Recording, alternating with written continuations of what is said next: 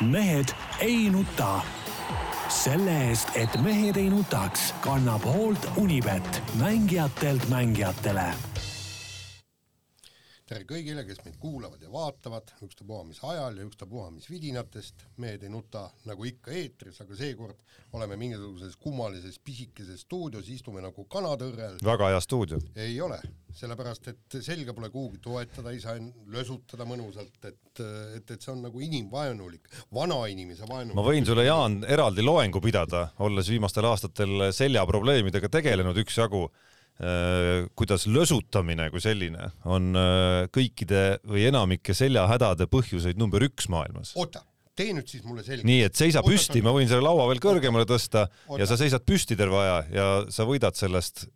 Äh, aga sina, sina istud ja selg sirgi, jah? kahjuks mitte, aga see, et ma istun siin praegu, on väga kasulik mu seljale, erinevalt selle, sellest lösutamisest, mida ma teen oma äh, Äh, töölaua taga. jaa, aga saad aru, et ma olen eluaeg lösutanud ja mul ei ole seljaprobleeme. ei ole hilja, Jaan, kuida-, kunagi muuta oma harjumusi. no kuule, siis lähebki selg valusaks üldiselt. no põhimõtteliselt ikkagi see, et siin ütleme, Delfi tegevtoimetaja kapsaaeda läheb see, et me peame olema mingis väikses stuudios, mitte seda teha õiges harjumuspärases majas, istud oma tavalise koha peal, siin on mingi see ebamäärane asetus, et see juba on nagu häiriv. see on nagu äh, sellist hulka nagu vanainimeste juttu nagu siin viimastel minutitel eh, enne seda, enne selle saate algust ma ausalt öeldes ei mäletagi, et küll, küll tuli nagu vingumist kõige osas, see on vanainimestel ka vaata muutub nagu see harjumus, kus asub mingi asi laua ei, peal, kõik asjad jube tähtsad onju. nii nagu täna hommikul oli koosolek, keegi oli pannud, üks tütarlaps oli tulnud eh, esimest korda koosolekul, pannud oma asjad sinna, kus mina tavaliselt istun no loomulikult tuli need sealt ütleme elimineerida ja, ja, ja ikkagi ise sinna koha peal istuda, sest ei saa niimoodi, et, et no ma ei tea, kord istud siin, kord seal, no mingi jama kogu aeg, tead noh. nii nagu ka autod parkimismajas tuleb parkida kogu aeg ühele kohale, okei okay,, kui sellel korrusel on täis, järgmine ja kui see koht täis, sõidad veel üle, täna näiteks pidin parkima kuuendale korrusele. see koht, kus äh, minu auto seisab äh, korruse peal, see oli täis, kui kuuendal esimest, esimene kord on vaba no.. tõsiselt? jaa, loomulikult ei, kord peab majas olema muidugi. loomulikult või? aga miks, miks ta peab seal ühe koha peal olema? mulle meeldib niimoodi. on ka hea koht või? ei no ta mulle meeldib niimoodi jah. Aga sa võiksid panna ju mingi, iga kord, kui sa ära sõidad, sa nagu broneerid esimesel või teisel korrusel selle koha, ma ei tea, kas, mis koht see täpselt on, ma ei teagi. ei no see otse, no sa pole kus mu auto seisab või? see lai koht seal. No, see on siit, kui ütleme siit sellest trepist, kus käia tegelikult ei tohi, eks ole, mina muidugi käin sealt, ma arvan, sa ka. sealt otse uksest lähed, otse seal niimoodi. ahah, okei okay aga sa võiksid ju, see on teisel korrusel vist on esimene võimalus sinna parkida. ehk siis sa võiksid ikkagi ju mingid atribuudid äh, välja panna sinna iga kord. See oleks jah. nagu järgmine tase ikkagi, et see on nagu bronn on peal. bronn on peal, jah ei, mul ei ole ka probleemi kuuenda korrusel. seal piisab sinu nimest, sest ega... ma arvan, et ega keegi ei julge sinna, kui ta näeb seal Peep Pahvi nime, ega ta ei julgegi panna oma autot sinna. mulle meeldib parkimismajas neid kurve võtta nagu hoogaselt, tead noh. no aga siis, siis on ju väga hea. siis pane seitsmendale. kui seal on nii palju üldse. ei, on ikka vist, sest et veel saab edasi, kuues, kuuendal on täna ja sealt edasi sõita. No ma natuke murelikuks muutusin kogu selle jutu peale muidugi, aga, aga las ta jääda, see on juba mingi meditsiinisaate teema. jah, kohe sa muutud veelgi murelikumaks. Peebule juba rääkisin, eile siis tegin, tegin valimiskompassi ühest väljaandest ja Tallinna kohta ja kõik panin täpselt. see olnud meie, meie kompass. ja, ja, ja panin kõik täpselt nii, noh, nagu tõesti väga, näiteks seal küsiti, et kas sa tahad, et eh, kuidas see Tallinna liiklus on, üks või võimalus oli, et, et vähendada eh, liikluskiirust kolmekümne kilomeetri tunnis ja seal oli ka variant, et ühesõnaga et vastavalt vajadustel võib ka seitsekümmend kilomeetrit tunnis olla, nagu on Paldiski maanteel ja kanalis ja kõik, eks, et aga vastavalt olu-, no ühesõnaga tegin ära, hästi mõistlikud vastused olid ülekaalukalt EKRE esimene, minu valikud, ülekaalukalt. siis tulid mingi Eesti kakssada ja kõik nii ja siis Keskerakond, Reform oli täiesti põhjas, mingi kümme-viisteist protsenti. et mis ma nüüd siis, Tarmo, sa oled tark inimene, on ju, eks, mis ma siis pean tegema nüüd e, EKRE-t valima? no esimese asja, mis sa pead tegema, on tegema eile meil ilmunud äh, valimismootori läbi ja ja no see oli sa-, no üsna sama. oled sa teinud selle läbi või ei ole? Tallinna kohta või? aa, siis ma teen sealt ja kui tuleb ka EKRE, no siis ei jää tõesti mitte midagi üle, nii et muuda kindlasti kiirelt seda. see, mina tegin selle meie valimismootori läbi, kuigi ma Tallinna, mind see Tallinn eriti ei huvita. üldse me nagu oleme võtnud vale suuna, eks ole, see Tallinn ja Tallinn, Tallinn, noh, muu, päris elu käib Tallinnast väljapool, eks ole, eks see muu Eesti on jäänud ju täitsa tagaplaanile, eks ole, miks ei ole valimismootorit muu Eesti kohta? Aga, aga, aga näit-, aga seal on muidugi see probleem ka, et ega kohalikel valimistel, ma olen seda kümme korda rääkinud, unustage need parteilised jurad nagu ära.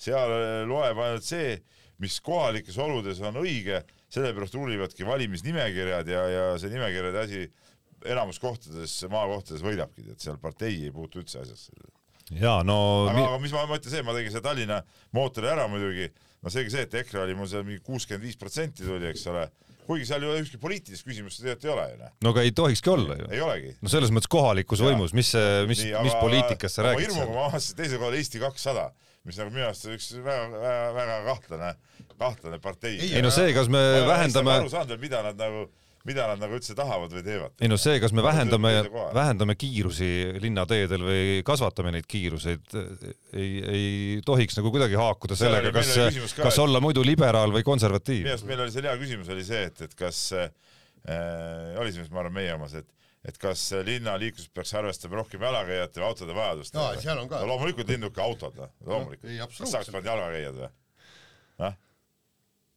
No nii ja naa. no seal ei no mingid küsimused on, millele ei saagi nagu vahe, vastata üheselt, ei ole ju nagu kaks varianti ainult laual sul. seal oli kaks varianti. tunnistan, see meie enda see jaa, mootor. ei seal, tolles mootoris oli ka jah, just. aga ma tegin see Postimehe oma. ja no tõsi äh,, annab maailmavaadet tuua sisse päris kõvasti, et ma, mul sattus koduvallas äh, Rae vallas üks äh, kohalik leht äh, näppu, kus siis topeltküljel oli tehtud äh, seal kandideerivate erakondade ja valimisliitude, ma ei teagi, kas nad olid juhid seal või, või ühesõnaga esindusisikud oli tehtud siis mingid nii-öelda lubadusi küsitud ja, ja seal ma sain aru, et ikkagi maailmavaade töötab ka kohalikul tasemel, et seal Peep sinu nii-öelda sinu sinu partei poiss äh, Raul Siem ikkagi oli toonud nagu sellise nagu kuidas öelda, võõraste inimeste teema nagu sellele tasemele, et ka rikkast vallast nagu Rae peaks pigem nagu eemal hoidma inimesi teistest valdadest, kes tulevad sinna, noh, noh, ta ei öelnud seda päris nii välja, aga mõte oli sellest, et ei ole meile vaja nagu teistest Eestimaa valdadest mingeid teisi inimesi tööle siia, kes on võib-olla vaesemad ja nii edasi. no selle kohta peaks mina, mina tean seda, et kohalikel valimistel eh, parteipoliitika ei maksa mitte midagi, see on nagu fakt. nii, kuule, aga aitab nüüd see ma olen aastaid seal hoopis eh, nimekirjade poolt hääletanud ja vaadanud, kes nagu mulle sobivamad eh, kujud, kes ajavad minu- kusjuures mitte terve valla, mind see Paldiski, tehku mis tahavad sellega, oluline on see, kes minu küla asja kõige paremini ajab, neid inimesi tuleb valida. no olgem ausad, et sinu küla asjadest äh, ka nagu kõik asjad sulle väga korda ei lähe, et et kui ikka nagu sporditegevus saab toetust, siis, siis see on nagu boonus number üks. siukseid eluolulisi nüansse on ka ikkagi, et noh, mis sa, kuidas see teedega on ja kas, kas veevärk pannakse või ei panda või lihtsalt võiks ju see veevärk tulla ükskord ja ei peaks ise nende hüdrofooride ja nendega mässama seal kogu aeg keld-, keldris. no sellega on nii ja naa, sellega on nii samas, ei no ma vana kaevu, ei no kaevu ma jätan nagunii alles sel juhul ju. et, et kui on veevärk läheb nässu midagi üldine või siis ma saan ikka oma sellest kasvõi käsipumbaga sealt üles tõmmata. mul praegu ka kaks kaevu. no jaa, aga teine asi on ju ka see, et, et oma vesi on ikkagi no puhtam ja parem. seda küll, seda küll. nii, kuule, aga lähme nüüd äh, poliitikast ja äh, Vasalemmast spordi juurde, Peep käis äh, Soome rallil. Äh, olen vaimustuses, peab tunnistama, olen vaimustuses. millega ja kellega? et oli üliäge ralli, üliäge ralli oli., üliäge ralli. olen nõus. lisaks, lisaks mul õnnestus ka seda päris palju rae äärest vaadata, päris ägedaid kohti ja, ja, ja, ja peab tunnistama, et nii, nii kihvti rallit see hooaeg nagu polegi olnud, kus ütleme ka, kus ka Ott täna, okei okay,, see talveralli oli ka muidugi äge, aga noh, seal, seal nagu väga midagi näha ei, ei saanud, eks ole, aga aga nüüd ise oma silmaga näha, kus Ott Tänak on esikoha võitluses sees ikkagi sihuke sekund sekundis äh, mäng käib ja, ja noh, jäi teiseks ja teiseks, eks ole, see selleks, aga aga tervikuna oli see võistlus igatepidi nauditav ja, ja kolm päeva siukest totaalset äh, ralli mõnu. jah, no ütleme niimoodi, et, et pühapäeval vaata, kui ma helistasin sulle ka ja kui, kui esimesel vi,, viimase päeva esimesel katsel äh, Tänak võttis seal mingid null koma kuus sekundit Elfin Evansilt tagasi ja siis noh, oli veel väike lootus, et äkki seal midagi veel toimub ja see vahe, vahe oli ju kaheksa koma sekundit vist. ja siis, mida see Evans tegi, no ütleme, ta see juba ainuüksi nende, nende pühapäevaste katsetega, ta ajas täielikku hullu, ma ootasin kogu aeg, et millal ta ükskord välja sõidab. ei midagi, isegi probleemi ei tekkinud. et no äkki see polnudki siis nii hull lihtsalt? lihtsalt, lihtsalt teised ei suutnud vastata sellele. Tarmo, et sa nagu saaksid asjadest aru, et, et kui nüüd tegemist oleks klassikalise spordiga, onju, siis ma oleks kahtlustanud, et see mees on seekord päris kõva dopingukuuri teinud läbi, et, et see, et see, kuidas ta seal järsku tõmbama hakkas, oli ikkagi hoopis nagu teine level, tead noh. kuigi no okei okay,, see oli tal viies ralli võit ja, ja, ja ma nägin seda, kuidas ta Portugalis võitis, aga noh, see on hoopis teistmoodi, eks ole, aga seal ta sõitis ikkagi niimoodi ülienesekindlalt, ülikiiretel teedel. Ja mis ma veel tahan ütelda, enamus rallid peaks toimuma kiiretel teedel, et see on ikka äge, kui nad ikkagi noh, tõmbavad ikka mitte ei kökerda seal kuskil kaljunukkide otsas nende autodega, vaid, vaid sõidavadki ikkagi täie tinnaga, et see on ikka äge. Noh. ja, ja kusjuures veel ütlen, et äh, kui, kui ta nüüd äh, Evans selle gaasi põhja surus, lühikesel kiiruskatsel, mis ta võitis kolme sekundiga Ott Tänakut mm. -hmm. ja Ott Tänakut, kes võit-, võitles, kes lootis veel mõnda sekundit kärpida, noh aga kus see kiirete rallide spetsialist, ütleme okei okay,, aga tehke, tehke mulle nüüd selgeks äh, võhikule, et, et kust see nagu tuli äkitselt, et Evans oli mingil hetkel noh, tundus, et on nagu ainus ja põhiline Ogier ohustaja ja siis tegelikult tegi nagu mitu päris äh, kehvakest rallit sinna kohtades, kus tegelikult just oleks pidanud nagu Ogierile kindaid viskama, seal, seal ta tegelikult vajus ära. no see ongi kummaline, minu jaoks on kummaline. ei no see, no nii palju ta ise seal rääkis koha peal ongi see, et tal õnnestus ikkagi ideaalselt selle Soome ralli eelne test ja ta leidis seal testis äh, selle autole enda jaoks väga sobiva seadistuse, see on punkt üks, eks ole. punkt kaks on see, et äh, no ma ei tea, kui palju see võis mõjutada, aga ütleme, see sügisene Soome ralli on oma, kuidas ma ütlen, siuksed nagu, nagu meeleolult või, või oma olekult, no sarnased nagu üks-ühele Walesi ralliga minu arust. see sügis, äh, siuke pilvealune Äh, siuke niiskus, äh, no see oli täpselt selline, nagu äh, ma olin ka tookord kohal, kui Evans vist sai üldse oma karjääri esimese võidu, kui ta Velsis võitis. no see oli täpselt üks-ühele see, et, et võib-olla kõik see, see, see olek ja miljöö ka kuidagi mõjutas ja tekitas temas siukest, siukest äratundmist, aga noh, selge see, et põhiline ikkagi see, et ta leidis sellele autole sellise seadistuse, mis nendele oludele sobis ideaalselt, ideaalsemalt näiteks kui Romperal ja Ožeel, kes näiteks Rompera, kes peaks ju teadma, kuidas seda sõita, noh, ta ei saanud niisugust ideaalset äh, sõitu sisse, no enne kui see kruusahunnikusega läks, ega tal ei olnud niisugust äh,, kuidas ma ütlen, noh, seda, seda, seda võidu äh,, võidu, võidutunnet või võiduautot ei olnud nagu käes. no tema puhul tundub üsna kuidagi tõene muidugi see, mida Jari-Mati Latvala ütles, et noor mees lihtsalt äh, iseenda ootuste all natukene kukkus kokku lihtsalt ja, ja Mitte see kõlab. iseenda mitte ainult iseenda, need ootused, ütleme Soomes ma ju kuulasin ka äh,, sõitsin juba sinna, see Tralli raadiod ja need uudistes ja see, see Rovanpera haip oli ikkagi, ikkagi metsik seal ka äh, kohalikus ajakirjanduses, lehtedes, igal pool.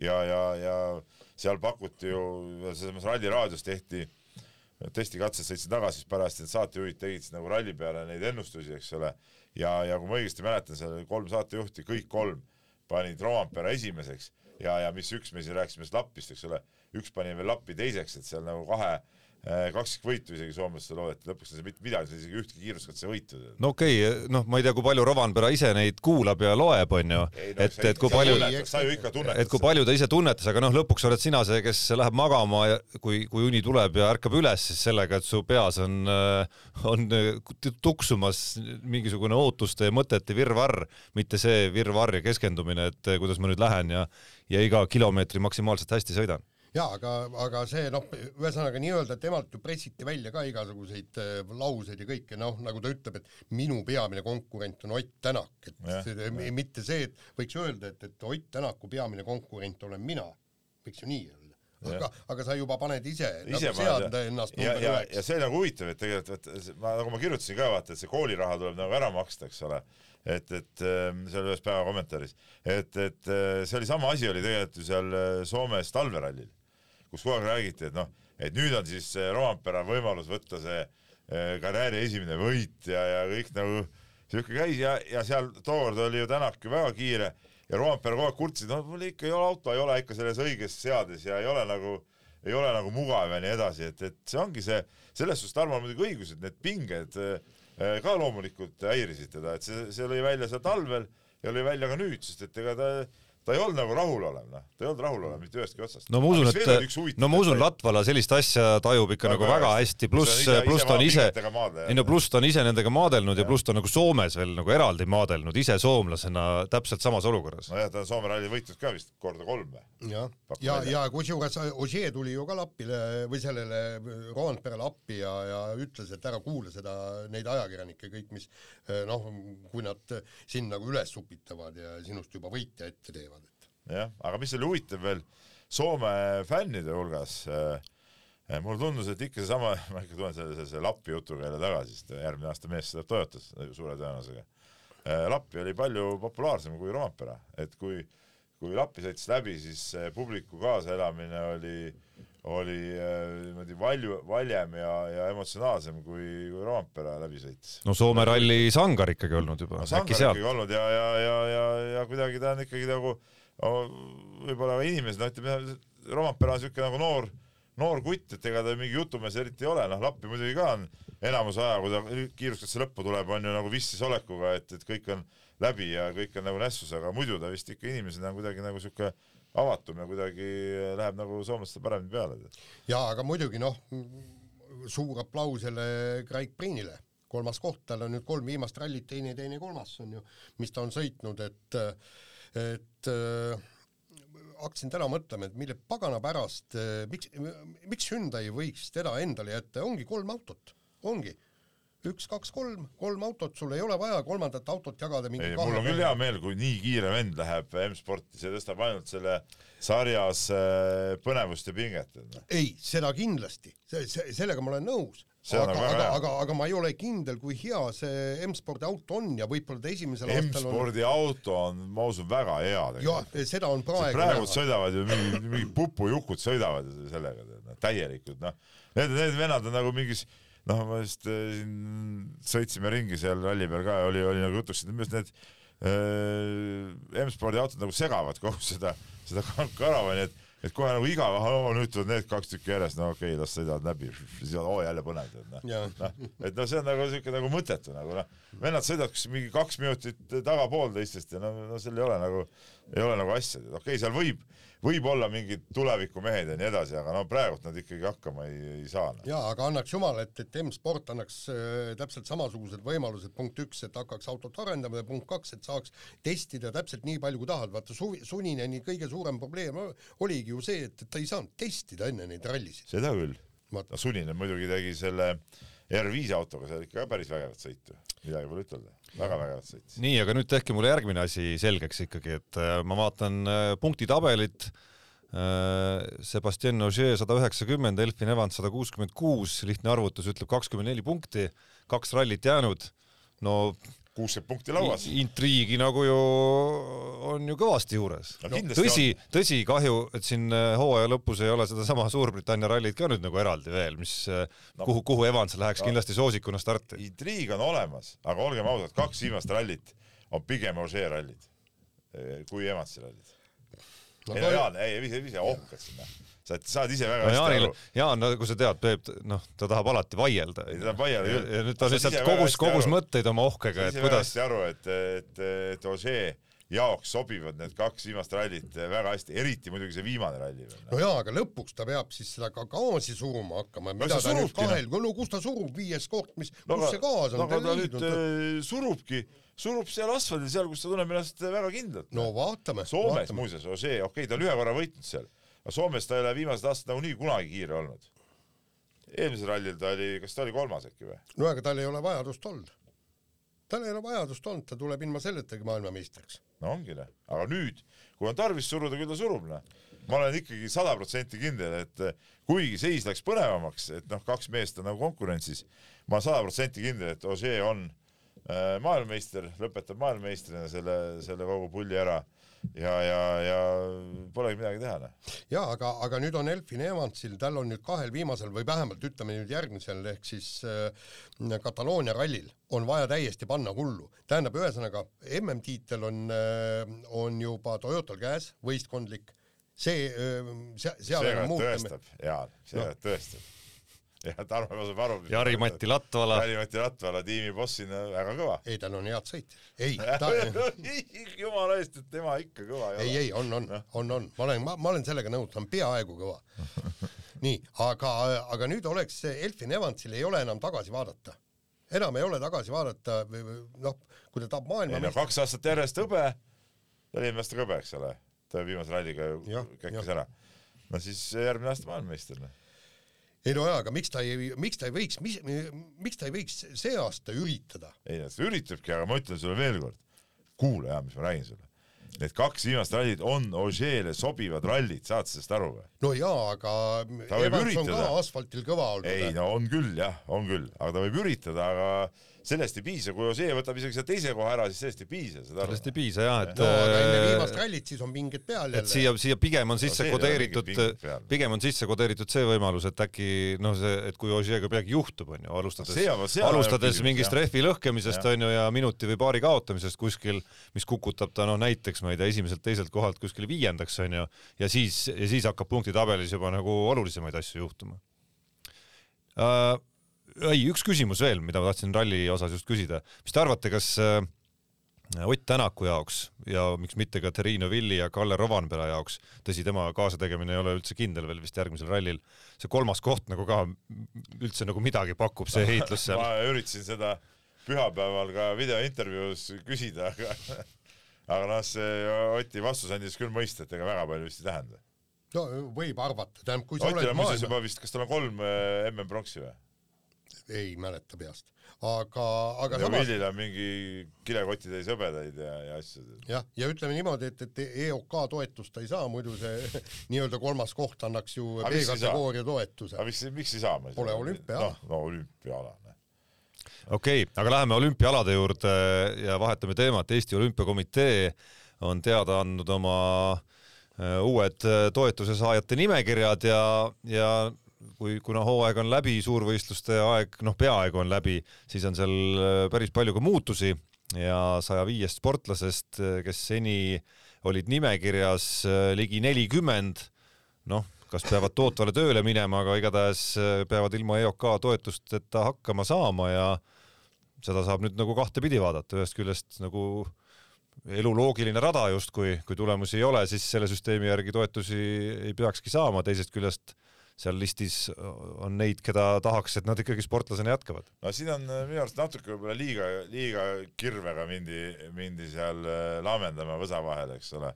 et, et äh, selge see, kui on reeglid, teatud tulemused seal A, B kategooria, aga no C peale, noh, ma ei tea, a la siuksed Mart Seemi-sugused mehed, no oleks pidanud ikka ikka jätma, noh. See nagu, see nagu ei olnud nagu kes niigi koges ebaõiglust nii, ei no okei okay,, ebaõiglust, õiglust, no see, see on, see on juba möödanik, aga aga igaüks ju saab aru, no okei okay,, ta isegi seal Eesti meistrivõistlusel tõstis see mingi, mis ta nelisada tõstis, eks ole, ära. noh, see on ju selge see, et ta on ju tasemel sportlane ja, ja, ja, ja, ja noh, mis tal see, millal see MM või asi tal nüüd tuleb, seal on mitu Ja kuud aega. eh, detsembris, sel ajal on tarvis ka elada kuidagi, et, et, et minu arust, et just eri, just Seimi seisukohast on, oli see, ei olnud nagu päris õige see asi. võib-olla no mingil määral C peale oleks võinud jätta ikkagi kõik need, kes, kes olümpial käisid. et, et noh, näiteks võtame selle või siis, triatloni- või, või siis olümpiakoha välja ja teenida. välja teenis, või see triatloni tüdruk näiteks. Kivioja, eks ole, noh, okei okay,, ta see olümpiavõistluseks nässu ja, ja võib öelda, et eh, ujugu kiiremini ja õppigu ujuma ennem kui läheb triatloni nii edasi. ka mõnes mõttes õigesti, et see ujumise osakaal on nii suur seal. Aga ta on ikkagi kahele, kahekordne olümpiasportlane. ja nüüd eh, selle võistluseks ta nässu kohe maha võtta, üldse maha võtta, noh, ma ei tea. ma arvan, et see ei ole õige ja see Jaani tänane lugu meeste vehklemisest, noh, ka ikkagi arvestades seda, et nad olid EM-il neljandad. Ja pärast seda ei olnud ühtegi tiitlivõistlust. tiitlivõistlust pole olnud. noh, aga mille põhjal sa siis neid maha võtad sealt? et noh, see nagu eh, minu arust siin natukene ikkagi eh, mindi liiale sellega. jah, ja, ja, ja noh, tähendab selle peale ju öeldi, et no aga olümpia oli, miks ta olümpiale ei ei no pääsenud. kuule, olümpias üldse Euroopas mingi, ma ei tea, kolm-neli satsi, viis, viis. viis satsi no., nii, aga vaadake nüüd äh, äh, nii-öelda see EOK kriteerium C kategooria peal on see, et, et sa oled maailmas kahekümne seas ja Euroopas kümne seas. kas kellelgi tuleb üldse pähe niisugune mõte, et Mart Seim ei ole maailmas MM-il, kui ta läheb, ei ole kahekümne seas või? Siis ta peaks mingit C-grupis tõstma, kui ta oleks kahekümnes umbes. no absoluutselt ja seal ka viimaseks jääb no,. loomulikult ei tule seda mõtet pähegi. täpselt sama on ka vehk-, vehklemises. vehklejad, vehklejad on igal juhul maailmas on, on nad kahekümne seas igal juhul noh, teisalt jällegi ei, ei olegi see süsteem, see A, B ja C süsteem ju mõeldud nagu ainsaks äh, meetmeks, millega Eesti sportlased peavad, peavad saama nii-öelda sporditud, et, et ei no kuskil on ju alaliidud lõpuks ka, et, et sealsamas sinu tänases loos, Jaan, samamoodi viimases lõigus siis tuli vehklemisliit lõpuks mängu.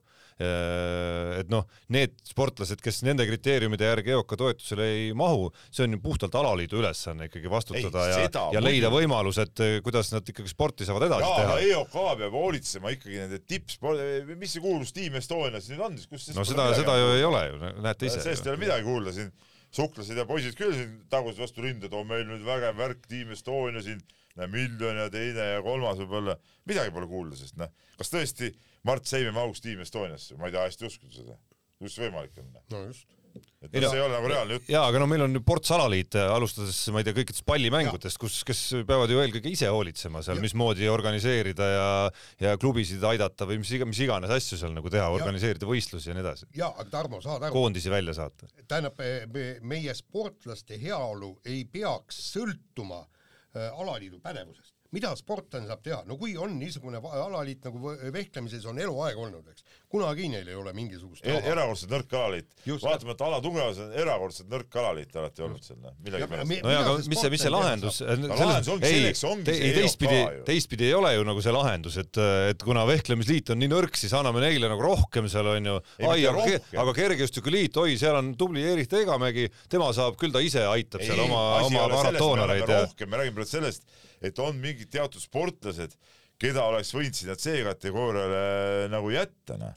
selles on küsimus, noh. ja ma ütlen veel kord, see kärp, ma olen nagu nõus, et on need reeglid, see kõik on õige, aga C-kategooria on ju tegelikult paljuski ikkagi nagu sihuke subjektiivsem äh, valik, noh. ja, ja seal need valikud ei olnud nagu õiged, noh. ja, ja, ja teine asi on see, et, et mina vaataks natukene kaugemale, ma ei vaataks ainult selle Exceli tabelisse. et äh, mis on nüüd siis Eesti vehklemises muutunud? muutunud on ainult see, et, et äh, me, meeste, meeste vehklemises on tulnud sisse väike mõõn, mida oli ka ühel hetkel naiste vehklemises, eks. nii, tuleks vaadata, et äh, kas meil on struktuur alles? jah, struktuur on alles, väga tugevad klubid on Haapsalus, äh, Pärnus või seal Tartus ja Tallinnas. nii, kas treeneritel on pädevust? on, on., sellepärast et äh, treenivad neid samu ka poisse, treenivad need, kes on äh, naised viinud olümpiavõitjaks, eks. meil on, meil on kõik olemas, meil ja, ja nüüd vaadata, mis meil seal noorelt on, noortest on no ja, see, see minu arust on selle C puhul nagu võtmeküsimus kui meil ei ole just selliseid Mart Seimi suguseid nagu aga... ilmselgelt nagu top kümne-kahekümne mehi. jaa, aga, aga seal all on ka, tähendab, okei okay,, neil läheb võib-olla kaks-kolm-neli, vaata meeste vehklemises, Novotšolov tuli ju maailmameistriks kolmekümneaastaselt esimest korda et, et seal on vaadata kaks-kolm-neli aastat on aega. nii, aga nüüd me peaksime hoidma selle tuumiku, mis oli kunagi, oli a la Irina Emrich nüüd peame, ümber... nüüd peame Priinitsat näiteks ja hoidma praeguses kuulus. Priinitsat, kelle, kelle, kelle ümber teha, jah. kelle, kelle ümber seda võistkonda teha, siis hakkavad tulema, seal on juba niisugused poolnoored täitsa hästi teevad, nüüd siis öö, nendele noorte öö, Euroopa karikatel, kui me vaatame, võistkondlikult on, on Eesti võitnud ja, ja, ja kui sa vaatad, keda nad võidavad, nad on Itaaliat võitnud, kõik võitnud, eks, et, et sealt on päris, päris hea kaader. Ja ma olen täiesti kindel, et kui me natukenegi kaasa aitame, neli-viis aastat ja meil on jällegi meeskond, normaalne meeskond olemas nor, normaalne meeskond olemas, kes võidab kuskilt mingi medali. aga, vaata, sellest ongi, selleks ongi, et okei okay,, ma saan aru, seal noored, need Eskoid ja need saidki mingisuguse toetuse peale, aga sul on tarvis ikkagi hoida seda ühte nii-öelda mastimändi ka, kes kes seda asja koos ajab, et seesama see Priinits, eks ole, praegu ta on, okei okay,, ta on juba kolmkümmend pluss võib-olla, kolmkümmend kolm, eks. kolmkümmend kolm, eks ole. aga samas ta ju noh, tal on ikka teatud level on olemas ja ta on sellel võistkonnal ülivajalik ja, ja ja, ja, ja, ja juba sellepärast oleks pidanud talle ka äh, toetuse säilitama, et oleks üldse olemas. jah, absoluutselt no,, jah. selles on point. ja, ja, ja kas oli siis raske teha, oleks olnud selle EP meeskonnale näiteks kolm C-d kamba peale või kasvõi kaks C-d, et neil ikkagi midagi oleks, et sa näe, näitad, et sa noh, austad neid, pead neist lugu no ma täpselt ei tea, kuidas see nii-öelda protsess nagu füüsiliselt käib, kui neid öö, otsuseid nagu tehakse, onju. tippspordikomisjon. ei, ma tean, ei, ma tean seda. istuvad mehed maha ja seal on erineva kriitikatasemega mehi, mõni mees tahaks võib-olla üldse kõik, kõikidelt raha ära võtta, kes ei ole olümpiavõitja.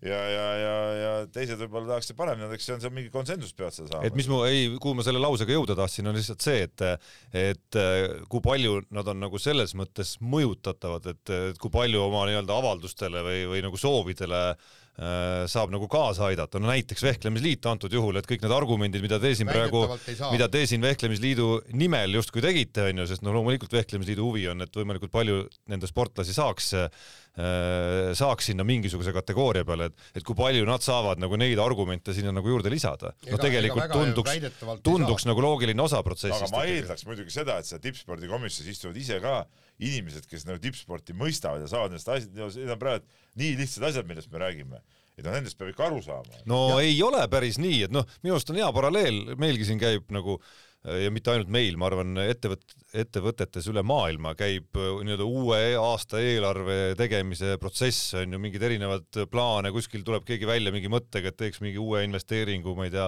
avaks mingi uue haru kuskil ja nii edasi, on ju, ja siis, ja siis põhjendab ja näitab ära, miks, miks seda on vaja, palju sinna läheb nagu raha, miks, kust see millal hakkab tagasi tulema või hoopis tuleb sealt midagi muud tagasi, et selles mõttes peaks nagu selles protsessis ju samamoodi käituma, et, et me räägime Eesti sporti investeerimisest erinevatel aladel, erinevates valdkondades, ehk siis seal peaks nagu kaasas minu arust küll käima selline nagu klassikaline noh, ma, ei taha sinna startup indusse minna, aga noh, selline pitch imise nii-öelda nagu faas peaks ka olema, kus, kus antud juhul siis Vehklemisliit saaks nagu põhjendada, miks on mõistlik vähemalt näiteks Sten Priinits jätta sinna C peale, et ta nagu mastimännina, nagu te ütlesite, siin ikkagi siis nagu äh, kannaks edasi ja oleks sillaks kahe põlvkonna vahel. no aga, aga teine asi on see, et, et ma väga noh, ma ei tea, kas kahtlen, aga kuivõrd palju tunnevad ja teavad kõik need tippspordikomisjoni inimesed. sellepärast olekski vaja seda, mis ma rääkisin. jaa, aga, aga vaata, siin ongi näiteks minu jaoks on natukene kummaline, et seal tippspordikomisjonis ei, miks ei võiks olla mõnda ajakirjanikku.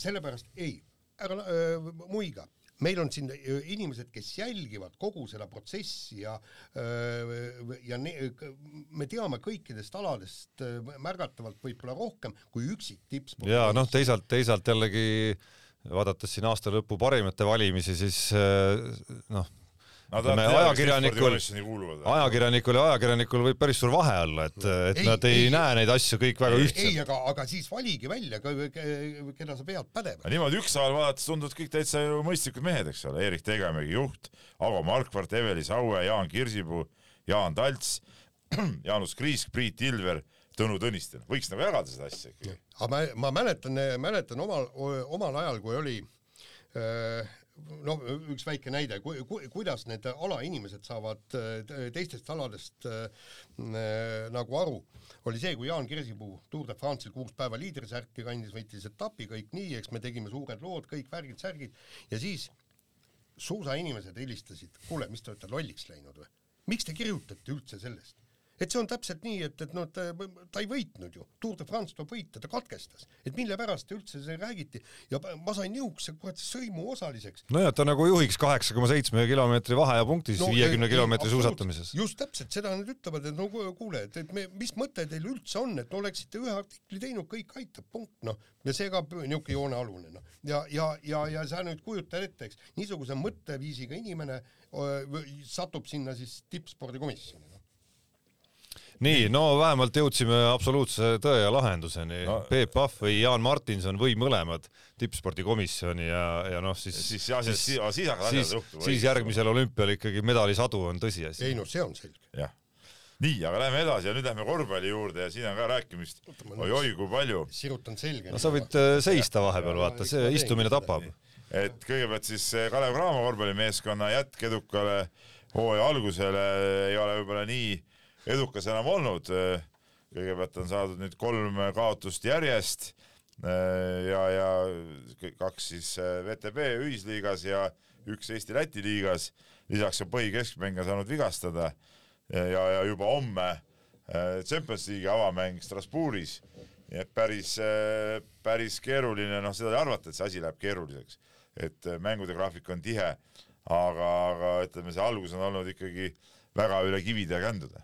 Ja, ja noh, selles mõttes tõesti ma nagu ühest küljest, ühest küljest nagu lihtsalt on nagu, ei ole seal muud teha, kui nagu kaasa tunda, et ma saan aru sellest äh, nagu Kalev Cramo olemuslikust probleemist, et noh, seda raha ei olegi nii lihtne leida kuskilt, et jube lihtne on öelda, et leidke ja komplekteerige paremini ja ostke juurde veel rohkem mehi ja tehke viisteist äh, meest sinna ikkagi kõik sellel tasemel ja tooge Vened ja Kullamäed ka kõik koju ja nii edasi, nii edasi ja et ma saan nagu aru sellest plaanist, mis neil oli ja kuidas noh, nagu natukene aega siin hooaja algul, eriti tänu sellele, et meistrite liigas võideti nagu nii-öelda nagu minna teele ja siis nagu jälgida natukene olukorda, et kust, kust ja kuidas ja kas kärisema hakkab, onju. ja siis kohe esimeses Eesti-Läti liiga mängus nagu just selle mõnes mõttes isegi vist kõige haavatavama koha pealt Äh, selline pauk ja täiesti noh, täiesti tühja koha pealt ikkagi noh, ikka nii totrast olukorrast kui üldse võimalik. aga, aga paraku siukeste asjadega peab aga neid juhtub, ja, ja neid juhtub ja siis mäng, kiir, suured kiirused, äh, suunamuutused, asjad.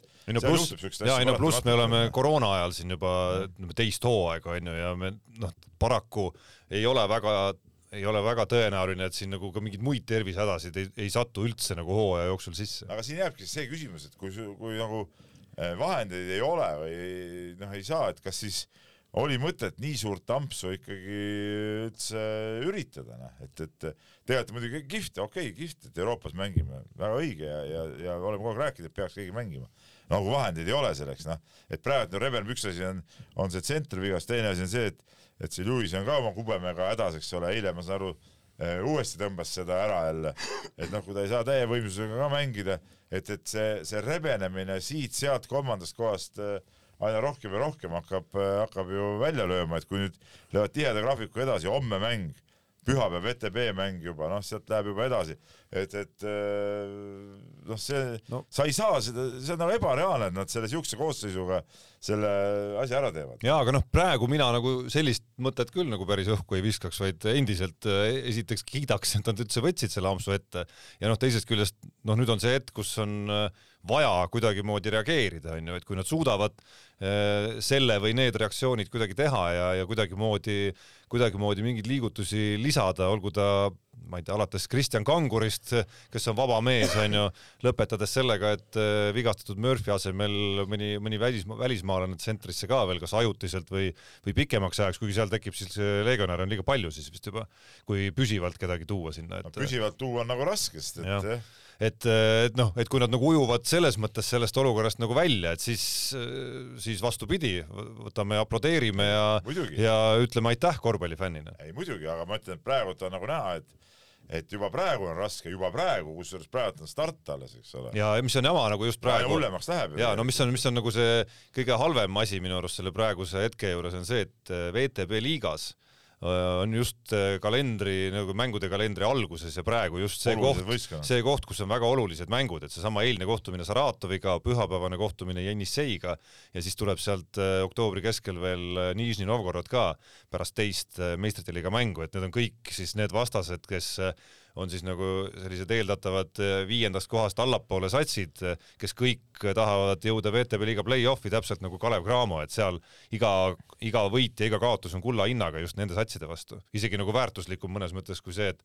suudad kuskilt sealt Lokomotiivi või, või ma ei tea, Uniksi ära napsata. ja loomulikult, et okei okay,, sa saad mingi ekstra võidu, aga kui sa endasugustele kaotad, siis sellest väga palju, väga palju kasu ei ole, aga no ma tahaks minna siit edasi Äh, Eesti, vist äh, kell on ka metsikult juba läinud, aga tahaks ikkagi Eesti meistriliigast, Eesti-Läti liigast õigemini rääkida, et noh. no ma nii palju hüppan nii. veel, see, see haakub natuke sellega, mida sa, kuhu sa juttu viia tahad, et noh, ka Kalev Cramo selle kolme kaotuse sekka läheb mäng Eesti-Läti liigas Riia VEF-iga, et. mis on kõige ebaolulisem tegelikult. mis on mõnes mõttes kõige ebaolulisem, aga mul sellest mängust on nagu kahju ikkagi Äh, noh, just, just seetõttu, kuidas see nagu kulges ka seal, et, et kui eile minu arust mängis Kalev Cramo nagu minu arust suhteliselt vapra mängu ikkagi, et, et see võib-olla ma olen, võib jah, arvestades olusid ja arvestades seda, et, et noh, tehes ka eeltööd seal kommenteerimiseks, noh siis, siis midagi ei ole teha, see kumab Autotoori sugusest satsist ja nende samade legionäride teenistuslehtedelt vastu, et noh, need on teise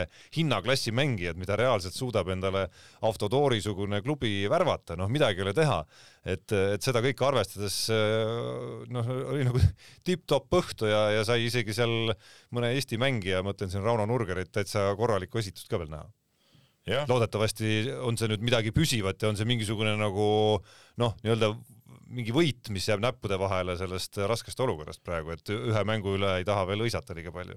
samas see Nurgeriale eelmine mäng oli, oli ju täitsa olematu, nii et ütleme, tema see laine käib üles-alla, aga ma tahaks ikkagi tulla, Tarmo teab, et mind see Eesti-Läti liiga tegelikult paelub isegi, isegi võib-olla natuke rohkem. et, et tahaks nagu selle juurde ka tulla ja, ja öelda kohe ära, et noh, ütleme nii, et Eesti-Läti liiga start tervikuna Eesti klubide poolt totaalne fopaa, täielik krahh, ütleme niimoodi. et, et isegi see TTÜ või TalTechi võit oli krahh mõnes mõttes. no see tuli et, ikka läbi, ma ei ütle seda sõna. sammuse, eks ole, ja, ja nii oleks tohtinud need asjad nagu minna, nagu seal läksid. et, et siin nagu ühtegi, ühtegi positiivset eh, nooti, okei okay,, jätame selle, jätame selle Viimsi ja Tallinna Kalevi nagu praegu kõrval mängisid omavahel Eesti klubid ja, ja Viimsi oli tõesti kihvt, ma poole silmaga korraks nägin telefonist mingit ja, ja, ja no Tallinna Kalev, Peep, kogu aeg ei ole, ei ole mingit hästi. jaa, ma räägin, nii vilets, ma tahtsingi sellest ütelda, oli nii vilets võistkond, et seal nagu seda võitu nagu nüüd üle tõstada ka ei saa, aga kõik need muud Eesti-Läti duellid nagu, no võtame sama, no, no Tartu, Tartu., Tartu, no mängis kontrollmänge ju tõesti väga hästi, onju.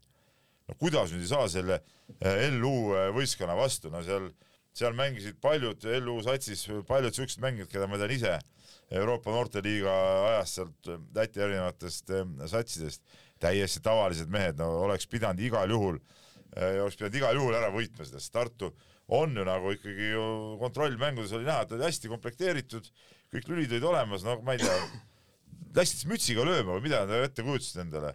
Eh, et, et, et see oli nagu täielik hämming, eks ole, noh teine asi, see Rakvere Tarva eh, kaotus Liepajale, ka Liepaja seast põhimõtteliselt nagu noortesats ikkagi valdav eh, koore, noh, siuke ütleme, selgroog on üheksakümmend seitse sünniaasta kutid, pluss siis seal veel nooremad, algviisikus oli üks kaks tuhat viis sünniaastaga poiss neil. et, et, eh, et ka siuke noh, ikkagi ütleme nii, et, et et halb, äh, halb kaotus, noh et. no kusjuures, äh, no ma käisin eile hommikul juba arvutiga sinu juurest läbi, et seda mängu lõppu näidata, et noh, ma läksin täiesti maruvihaseks selle mängu lõpu peale, kus Tarval see mäng oli käes tegelikult. jah, oli käes ja noh, seal üldse, seal oli natuke siukseid äh, kummalisi küsitavaid asju ka, aga veel lisaks sellele lõpule, eks ole, et aga, aga no üldse, nad olid ju kaheksaga ees, seal oli mingi, ma olin, ma olin ise veel kiiruskatse, ma jälgisin seda Äh, nagu mängu äh, käiku, eks ole, seal äh, telefonist teise silmaga. Ja, ja, ja nad olid ju, paku välja mingi minut, natuke peale, pluss kaheksa. no ei tohi ära anda siukest asja, ei tohi ära anda siukest, aga seal üks puterdamine, teine puterdamine, kolmas puterdamine.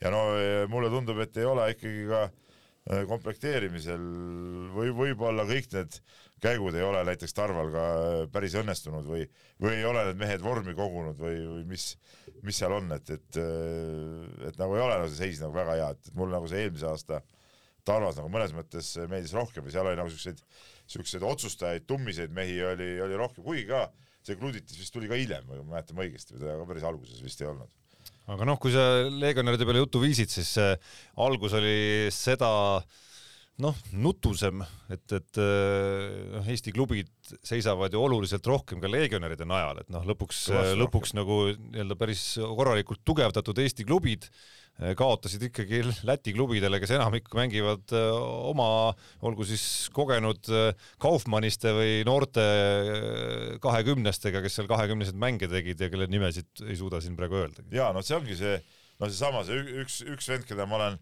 ütleme väga-väga noorteklassidest peale jälginud on üks Viksne, kes mängib seal nüüd Läti ülikoolis, ta oli Ventspilsi klubi poiss. no Ventspilis ei saanud löögile, aga näe, seal Tartule virutas oma kakskümmend silma, kaks tuhat sünniaastaga poiss, isegi kaks tuhat üks, kaks tuhat vist. et, et, et on mehed olemas, et andke ainult kuuma, noh, ega Tarval ka, ma pean siin ikka ütlema, et et Keila poiss Kasemets kaks tuhat kaks sünniaastaga kakskümmend kaks silma tead, et või kakskümmend üks või kakskümmend kaks. kakskümmend kaks, mul on ees see protokoll siin kümnest viis kolmes. äh, andke, andke ainult äh, kätte. kuskilt on mingi visketehnika isegi omandunud, Ei, järelikult ma ei tea, kust kust, kuidas, kuidas sa ei su- ei, meil on, ei, seal on, meil on, kes temaga päris noorena tegeles, üks Marko Arro Aa, tema, no temale seletab. meeldib seda, seda siukest visketrilli ja neid asju teha, aga ei, tal on loomulikult, loomulik, loomulik areng on olnud, ei, selles suhtes kihvt, kihvt vend, et me peamegi no absoluutselt, siuksed poisid peavadki esile tõusma, see on ainus, ainus ootus minul jah. sellel äh, Eesti-Läti liiga hooajal. nii, kuulge mehed, meil on sisuliselt kümme minutit kõikideks muudeks asjadeks jäänud. no natuke rohkem siiski, aga, aga no 15. Törts jalka juttu siia lõppu ikkagi, jalgpallikoondis koguneb, ei saa päris eirata seda teemat ka ei. saa muidugi jah. Eh, Valgevene ja Wales on ootamas ees. no Jaan on äh, muidugi kirjutanud meile siia teemalehele, kuidas kuus punkti on juba taskus kuskil. või? no taskus kindlasti ei ole veel jah.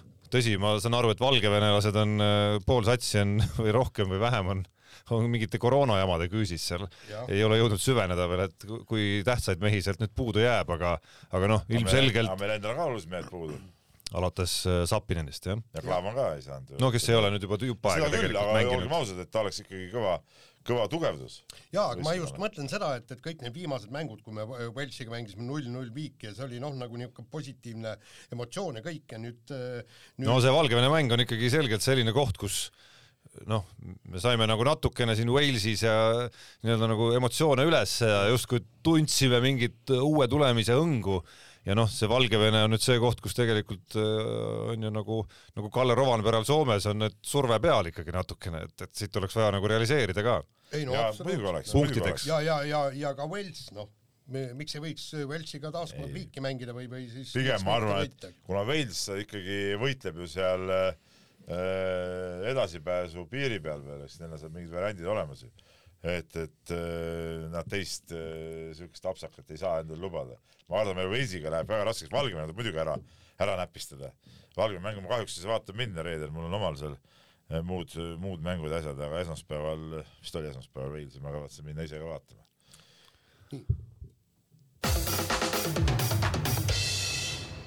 Kütame kiire vahemänguga edasi ja, ja tuleb kiita. Tartu Bigbank alistas Šveitsi klubi ja pääses meistrite liigas järgmisse ringi ja nüüd kohtab, oli see vist Lissaboni Benficaga. et noh, huviga vaatasin seda, seda teist mängu ja, ja noh, sa saadi oma kaks geimi kätte ja, ja siis pandi eh, noored mehed ja varumehed eh, pandi platsile noh, kuna ma olin toimetaja, siis see, siis see viiegeemiline mäng ei olnud Väga rõõmsaks ei teinud, jah. väga rõõmsaks ei teinud, sellepärast et noh, et koju tahtis Jaan saada. ei, ei, me, me teeme kodust, kodust, aga seal oli, seal oli lihtsalt, et kas. Türki mineku ajaks jõuab, jõuab valmis või ei, ei jõua, aga ei jõudis ja, ja kõik oli pro, nüüd vaatame, võtab Benfica ära, vaata, vaatame, kui kaugele ta sebib omadega. selles No- suhtes see hooaeg on äh, nagu kihvt olnud, et, et kõikides pallimängudes on need eurosarja, eurosarjas Eesti klubid on ikkagi nagu midagi suutnud teha. mängis see Flora seal kõvasti, no Kalev Cramo oma edasipääsuga, nüüd võrkpallurid, ootab veel, veel äh, väravapalluritelt ka nagu äh, rõhutan seda väravapallurid väravapalluritelt, ja ma sain aru, et sa ootasid mingit reaktsiooni, mida ei tulnud. et, et, et ootame neid ka veel tegusid ja siis on nagu ikka äge, kui see, ütleme see sügisene, kui need hooajad pihta hakkavad ja kui see eurovärk nagu käib, et, et nagu igal alal on, on äh, mingi mäng on nagu, nagu asjas, oleks asjas sees nagu. tõsi, ma saan, ma nüüd rullisin lahti ise ka selle, selle valikturniiri süsteemi, et, et Tartu on ikka jube algfaasis ikkagi oma No, minekuga seal alles. kui nagu päris, päris suurt mängu nagu mõelda, et aga noh, see päris suur mäng on ka oluliselt nii-öelda nagu kitsam, noh nagu kitsam teravik Euroopa klubi, päris klubi Champions League'is peale Pärnu pole keegi mänginud. just, et klubi võrkpallist võrreldes siin, ma ei tea, Champions League'iga, kus Kalev Cramo on või, või selle liigaga, kus FC Flora jõudis, no see, see on no, nagu nii-öelda kõrgeim liiga. aga võrkpallis on ka, et sealt saad ju, kukud Ja- madalamasse sarja ja- seal on mingid variandid on elu edasi minna saad, saad sealt madalamast et kiidame heaks. nii, Äh, kiidame veel, aga antud juhul küll äh, tundub, et jutumärkidega, kui ma just äh, ei saanud valesti aru, Jaan, et sa, et su kirjutis oli ikkagi väga sarkastiline ja irooniline, ehk siis Eesti valitsus otsustas riigieelarve eelnõus liikumisharrastuse edendamise reformi elluviimist toetada kuuesaja tuhande euroga, mis on siis nelikümmend kuus senti inimese kohta ehk null koma null null nelikümmend kuus protsenti eelarvest. ütlen igaks juhuks ära siia, teades Jaani äh, nagu fakti ja, ja matemaatika. arvutus on ühe kõva matemaatikamehe poolt. on kontrollitud, selge, väga hea. sa tead, kes see kõva matemaatikamees on ilmselt? Äh, võimalik. mul on äh, kaks, mul on tegelikult kaks kahtlusalust ah,, okay. kes mõlemad kõvad malemehed meie ekskolleegid, mõlemad äh, suudavad teha väga hea arvutuse. ma võin sulle ütelda.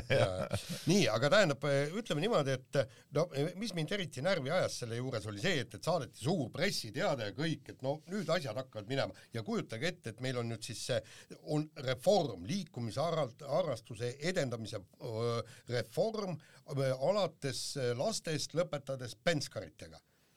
ja siis, kui ma vaatan seda rahasummat, no mis pagana reformi sa teed, kuhu ja siis selgub, et, et noh, tehakse seal võib-olla paar jooksurada korda vist või kuskil püütakse metsaalused natukene ära ja ja, ja see on nüüd reform, no tulge mõistma. ei no ma ütlen, ma ütlen ka, et kurat küll, no mehed, nalja teete või? see on ju, see on ju lihtsalt, see on puhas pakasuhha ju noh see on puhas pakasuhha, et oh, me nüüd teeme siin kõvasti midagi, noh. Kus on see selge plaan, et mismoodi seda liikumisharrastust nagu kõvemaks teha, kuhu see kuuesaja tuhandega, no see ei ole mingi raha ju, no see no kuuesaja tuhandest saab päris palju inimesi tööle võtta, kes hakkavad plaani tegema. aa, ei no seda, seda kindlasti, seda kindlasti. aga no selle teema juures, ma tahan, meil vist ei ole siin välja toodud seda äh, Saskia Alusalu avaldust ka, eks ole, mis mis nagu haakub sellega tead väga hästi, tead noh. nii harva, kui ma Facebookis likee panen, selle ma panin ka selle like'i sinna alla kohe tead. ja, ja ta ütles, et, et, et, et väga ausalt ära, et, nali on see, sama see liikumisnädal või mis iganes see on, see ka pakasuhha ju tegelikult. no absoluutselt. täielik ju noh. ja, ja, ja, ja, ja seal, seal ongi ja Saskia Alusalu ütles, et lõpetame nüüd oma öö, uduse illusioonides elamine, me, meie lapsed jäävad kogu aeg üha, üha paksemaks ja haigemaks ja kõik ja, ja nüüd selgus, eks, et et kolmkümmend protsenti esimese viienda klassi oli vist viies klass, lastest on äh, ülekaalulised. see oli vist ne-, kas ei olnud nii, et neljandaks klassiks on kolmkümmend protsenti ja Hiiu, Hiiumaal oli veel rohkem? ja ei, seal oli vist esimene ja neljas klass tehti okay. nendel uuring,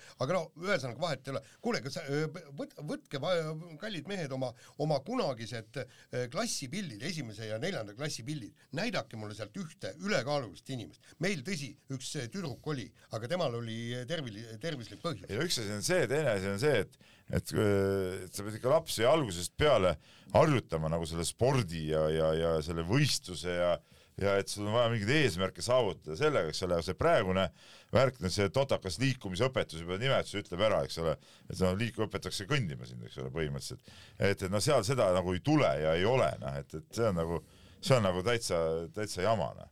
jah, ja et ja see, et siin, et siin äh, mõned vennad käivad äh, seda nii-öelda NATO testi tegemas äh, kord aastas, eks ole, noh, see nagu ei paranda seda ühestki otsast ei, absoluutselt. Ja, ja, ja, tegelikult vaata, me, me kirume seda äh, koroonaaega ja distantsõpet äh, küll kirume, aga seal oli üks hea asi. kehalise õpetajad said anda ülesande lastele ja, ja panna nad äh, tõesti liikuma ja seal oli kui sa arvad, et kõik seda tegid, Jaan, siis sa eksid muidugi. ei, aga, aga seal saab alati. seal saab alati, alati saad ju telefoni ja ei, ma saan aru, ei, ei, ma, ma ei mõtle mitte kõik lapsed mm, -hmm. vaid ma mõtlen kõik õpetajad seda no tegid. jaa, see, see on küsimus ja näiteks seal oli ääretult äh, aga millest see lõpp, oota, aga millest need õpetajad palka said siis? No miks sa minu käest küsid?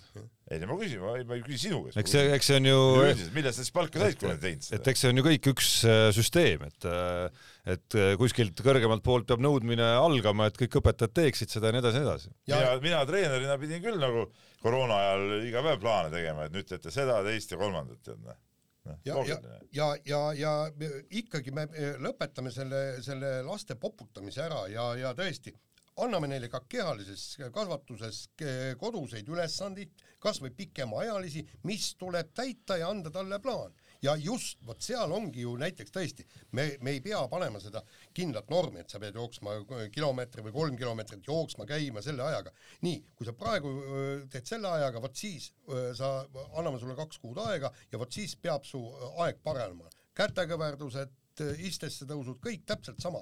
Et, et palun, tee kodus, täpselt nagu matemaatikat. nii, aga nüüd on meil tulnud uus vägev rallipaar välja, Saaremaa ralli on siis nädala lõpus ja ja tulevad seal rajale siis eh, kuulitõukajad ühes ralliautos. tänavuse Eesti meistrivõistluste pronks Rait Sinijärv on rooli taga ja siis Eesti rekordiomanik Kristo Kaleta loeb talle kaarti. no ma ei tea, no ma nägin ka seda pilti sellest autost, millega nad sõidavad, suhteliselt pisike auto oli, et et, et suurt edu neile ju ei, ei, ei saa nagu ennustada, et rasked mehed, et see auto ei jaksa äragi vedada neid.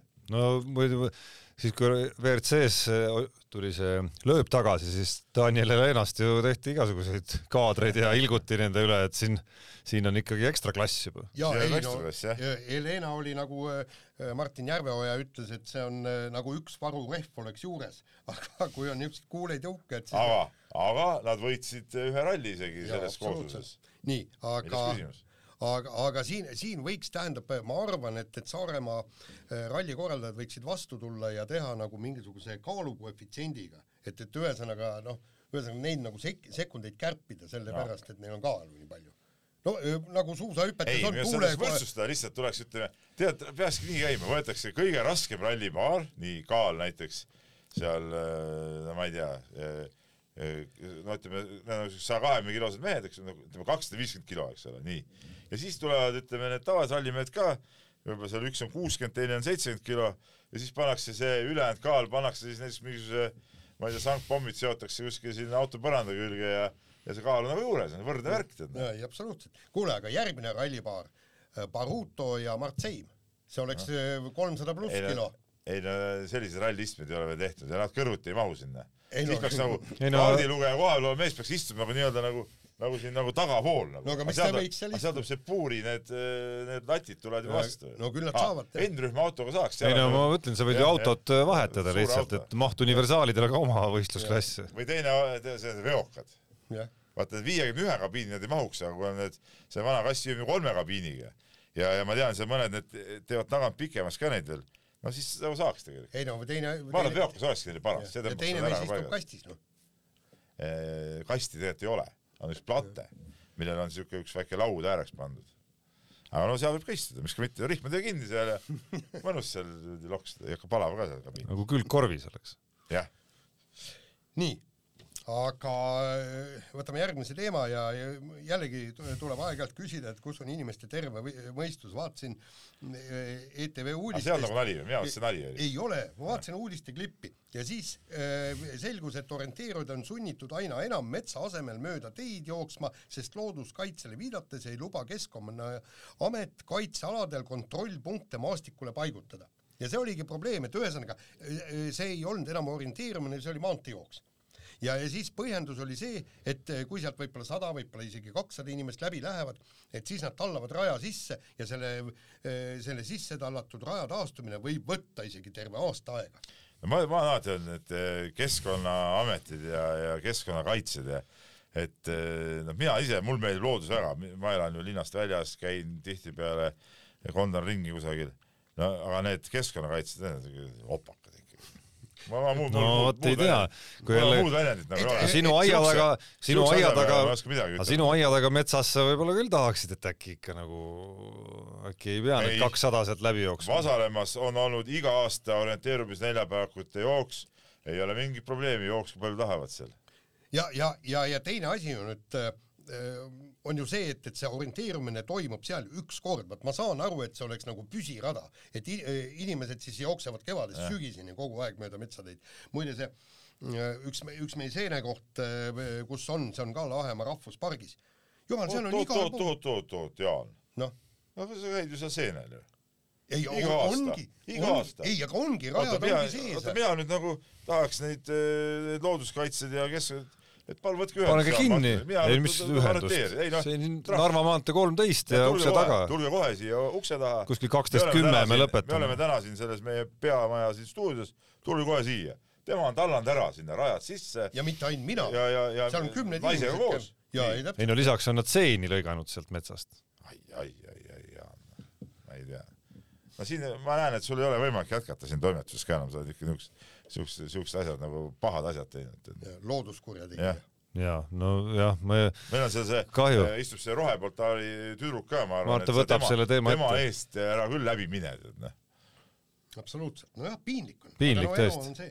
piinlik tõesti, aga kiire vahemängu lõpetuseks äh, äh, läheme natuke koroona valda ka, mis äh,, mis siis läbi vaktsineerimisteema, mis äh, lõhestab maailma, mis iganes kõiki valdkondi ja inimesi, suguvõsasid ja ma ei tea, perekondagi välja äh,. ikkagi on hakkamas oma pitserit vajutama ka spordimaailmale siin noh, on olnud uudiseid küll selliseid, kus Riia VEF vist oli see korvpalliklubi, kes on saatnud legionäre ära, kes ei olnud nõus ennast vaktsineerima äh, tennisemaailmas tennisetipud meeste osas siis on olnud üsna sõnakad koroona teemadel siin läbi viimase poolteise aasta. Ja nüüd siis tuli eile uudis sellest, kuidas Austraalia lahtistelt äh, kas äkki jäävad eemale Novak, Novak Djokovicid ja veel mõned mehed, kes, Djokovic on läbi põdenud ju. kes no sellest on jupp aega tagasi vist, et kes ei ole nõus ennast vaktsineerima, Austraalia lihtsalt ei lase neid sinna kuidagimoodi ligi. Ja noh, see ei ole ainult tennise teema, vaid ikkagi nagu üleüldiselt, noh NBA-s on see väga teravalt praegu üleval, kus ikkagi selline üheksakümne protsendi peal vist on see mängijate vaktsineerituse tase ja ettepanekud, et see peaks olema kohustuslik, loomulikult lükati tagasi üsna resoluutselt, sest nende kümne protsendi peal on ka mõned päris kõvad staarid. Ehk siis mängijate ühendus äh, väga resoluutselt lükkas selle tagasi, samal ajal muidugi on äh, klubi kõikidele muule personalile on äh, see kohustus nagu absoluutne onju, et kui sa oled mingi tavaline abitreener või, või massöör, no siis ei ole sul mingit varianti. jah, aga siin on ja ilmselgelt ma, ma ei, ma ei kujuta ette ka seda, seda varianti, kuidas Djokovic nagu eemale jääb Austraaliast. kuigi Austraaliat nähes, kuidas nad on käitunud Austraalia riigina Ei,, siis on siis ilmselt äh, võib see juhtuda küll. see igal juhul ära jah. ja, ja muide, siin oligi ju tegelikult oli vahepeal oli variant, et isegi järgmise aasta Aust-, Austraalia lahtised meistrivõistlused toimuvad hoopis Dohas. et, aga et see oleks nagu totrus. see, see oleks totrus, aga pigem aga, mängige ilma Djokovicit, aga mängige ikkagi Austraalias. aga, aga, aga, aga siin on väga lihtne, see oli, see oli selle eh, noh, koroona aja alguses või kuskil seal, tead, kui see maski kohustus kas oli, ei olnud midagi ja siis eh, Pipra poes üks, üks väga mm, tubli daam, temal oli muidugi see, et, et maski kohustus ja kõik ja siis, kui ta ütles, kui ta seal vaidles, inimene tuli, et maski, et meil ei ole kohustust. ta ütleb, et teil võib-olla tõesti ei ole kohustust, linnatänaval tee mis tahad, aga see on minu pood ja minul on reeglid sellised, palun nendest kinni pidada, vastasel korral me ei teeninda. ja see ongi täpselt nii. Austraalia lahtised ütlevad, meil on niisugused reeglid, punkt. jah, sest et ja, ja seal mängimine ei ole inimõigus. Just täpselt ja, ja, ja näiteks kõik ka näiteks ne- need, kes ei taha teste teha, mitte midagi, vaata, see on kõik testimise vastased, palun minge lennake siis kuhugi, minge tehke täpselt seesama jutt, tehke siis lennufirmale ka selgeks, et, et mis, et see ei ole kohustuslik ja ta-ta-ta. midagi sind lihtsalt visatakse rahulikult, sind ei lasta lennukile ja lähed jalg sinna. väga lihtne. Aga kuule, kuidas see on siis, kui kõik maailma inimesed ennast ära vaktsineeriks, siis ju see viirus ei saa enam levida põhimõtteliselt. ei no siis ta muteerub ja siis no et see põhimõtteliselt võiks ikkagi ju siis teha ülemaailmselt nagu kohustuslikuks, väga lihtne oleks see, mis see keerulist on? noh, absoluutselt. mitte mingit keerulist aspekti ei ole. no kindlasti on, aga peaksime eraldi tunni saatesse võtma Jah. ma ei võib-olla. näe ühtegi, ühtegi. ja, ja kes ei vaktsineeri, pannakse vangi, kõik, jah, lihtne. nii, Unibetis saab tasuta vaadata aastas enam kui viiekümne tuhande mängu otseülekannet. seda isegi mobiilis ja tahvelarvutis. Unibet, mängijatelt mängijatele nii, me läheme nüüd äh, Unibeti rubriigi juurde ja ootan uudiseid teie suurtest võitudest. mina ei tea, mis, mis minu peakesega nagu toimub. no seda me saate alguses juba nagu kogesime, mis sinu peakese sees nagu toimub, et mis saate algus oli? no saate alguses, sa ei mäleta enam, nagu ma aru saan, mida sa rääkisid saate alguses jah, saate alguses rääkisid sa sellest, kuidas sa parkimismajas Aa, pead alati aa. ühel ja samal kohal olema see sest sa, ma arvan, et noh see, nüüd see selge., nüüd see nagu selgitab, et noh, sa lihtsalt, sa lihtsalt ei no kui, me näiteks kaubanduskeskuse parklast No ma ei tea, kuidas see korrust- ära unustan, kus mu auto on, siis ma piiksutan sellega, vaatan, kus kuskilt paistab see, see suunatulede vilkumine. kuidas sa korruse suudad meelde jätta, et kui sa iga Ei, kord oled äh, ühe koha peal, aga see korrus võib olla kuues, viies, neljas. päris aus olla, siis ütleme üle päeva ma eksin ka korrusega, ma vaatan, autot ei ole, uks kinni järgmise peale. aga on olnud ka siukseid juhuseid, kus ütleme, ei ole, lähen üles, ka ei ole, siis mõtlen, ai kuram, vist oli allpool hoopis, kaks korda allapoole ongi seal. mul on, mul on no kaks, siis, mul on väga lihtne soovitus. kas Ando sul ei ole siukest asja juhtunud, sa oled valele korrusele läinud või? Paar korda võib-olla No on ja, aga Noh., aga noh, sul on ju väga lihtne soovitus seal, noh, mis sa nende korrustega mängid, panegi iga kord kuuendale samale kohale ja väga lihtne ei no.. mina, mul on pigem see, et ma ei saa saad aru, kõndida ka rohkem ma. ei saa aru, miks ma pean seda parkimismajas parkima. Kas firma on nii vaene, et ma ei saa siia, miks mulle siia parklapiletit ei anta? meie hädised fotograafid, need ei, ei jaksa käia või nende autod on küll siin, eks ole, tead noh.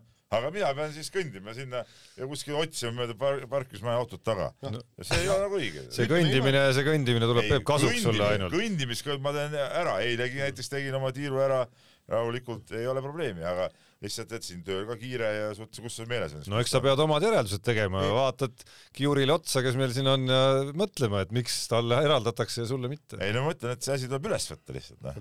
Peep, aga see asi muutub hullemaks, mul oli eelmine aasta oli ju niimoodi, et äh, talvel kenasti lähen töölt ära, eks, panin viiekilomeetrise ringi panin Kadriorus ära, lähen ilusasti koju, eks, ja ja siis vaatan, et kurat, autot polegi või.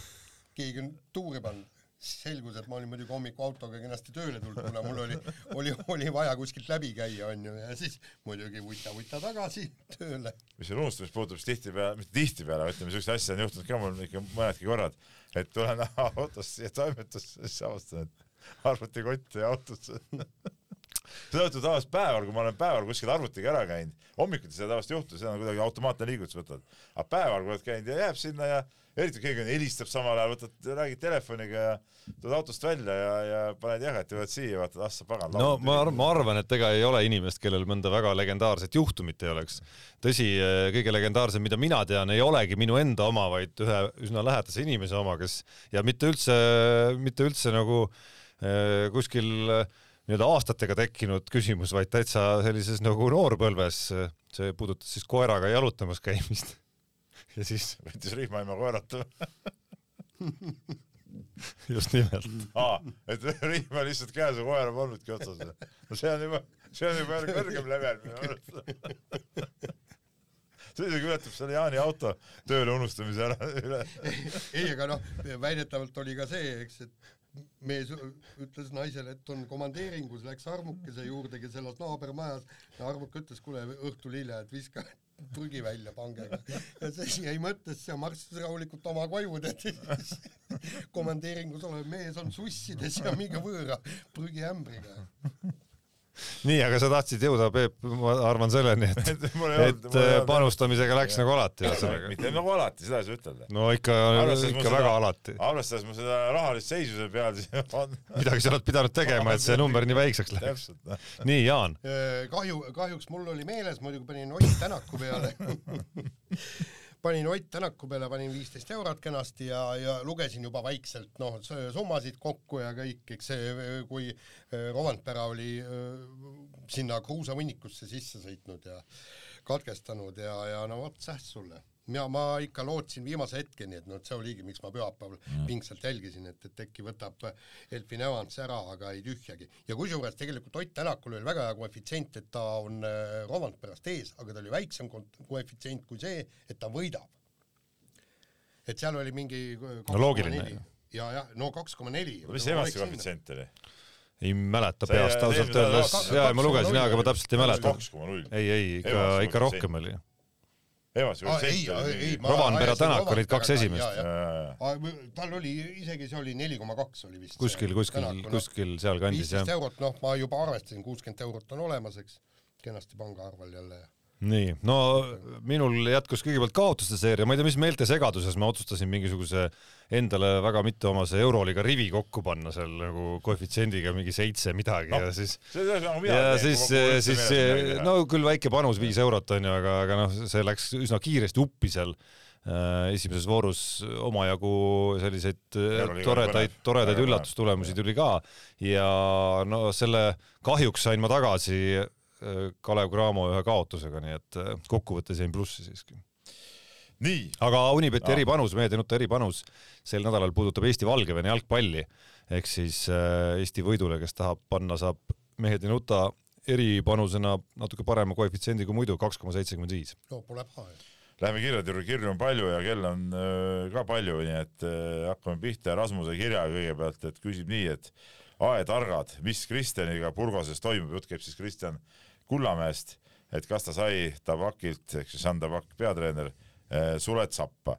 no sellest meil oli, ilmus ka uudis pühapäeval, eks ole, et ta langes koosseisust välja, kuna tuli see Renford tuli meeskonda tagasi. Alex Renfro jah ja., põhi, põhimängujuht tuli, liitus meeskonnaga, alustas kuskil, ma ei mäleta, Puerto Ricos või kus ta oma hooaega lõpetas. ja, ja, ja nüüd on tagasi ja, ja Kullamäe ongi nii-öelda joone all, ehk kolmeteistkümnes mees ja, ja satsi ei mahu, et, et nii et ta päris sulge sappa ei ole sealt äh, saanud, aga seis on selles suhtes muidugi keeruline, et, et et üks asi on see, et kas õnnestub trennides ennast tõestada nii palju, et saad, mängid kellegi üle, aga see seda varianti eh, ma pean praegu vähe tõenäoliseks, et ta, et ta, ta pakk nagu oma arvamust muudab, sest tegelikult ju eel trennide põhjal ta tegi oma otsused ära peatreener, eks ole.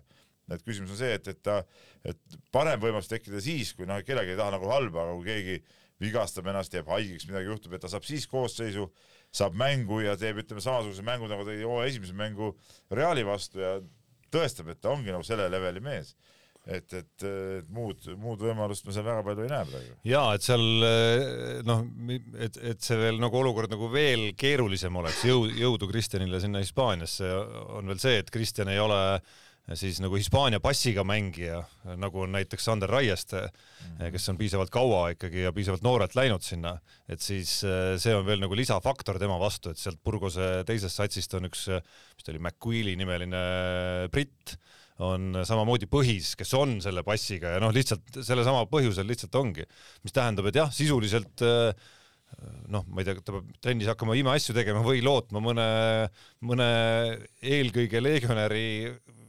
mingisugust probleemi, et see ongi nagu ainus variant praegu selleks, et jälle, jälle nagu pilti pääseda ja, ja mis tema positsiooni just puudutab, siis on see nagu topeltkeeruline selles mõttes, et et see Sloveenist tema konkurent mänguajale Aleksei Nikolitš on just nimelt siis selle uue peatreeneri Jean Tabaki toodud, toodud sinna meeskonda ja Kristjan on siis jäänud sellest eelmisest äh, peatreenerist, kes juba, juba mõned ajad tagasi Kristjani sinna süsteemi tõi ja, ja pikema lepingu sõlmis, esimene aasta lihtsalt oldi eemal ja nüüd tänaseks on see treener läinud, et selline, selline üldse mitte meeldiv äh, pusle on seal, on seal Kristjanil äkitselt oma karjääris tekkinud ja seda just sel hetkel, kus esimese Hispaania liiga vooru järel tundus, et, et ohoh, on kuidagi nagu ongi üllatavalt kiiresti ja sujuvalt välja suutnud ronida sellest, et see seis oli teada ju ka enne hooaega. ja, aga noh, ütleme kaks järgmist mängu juba näitasid, et nii hästi need asjad välja ei tulnud ja, ja, ja noh, oligi, kui mees oli kohal, siis oli ta läinud. nii, RR kirjutab meile ja, ja küsib nii, et ikkagi küsimus, kuhu läheb äh, Kristjan Kangur, me siin natuke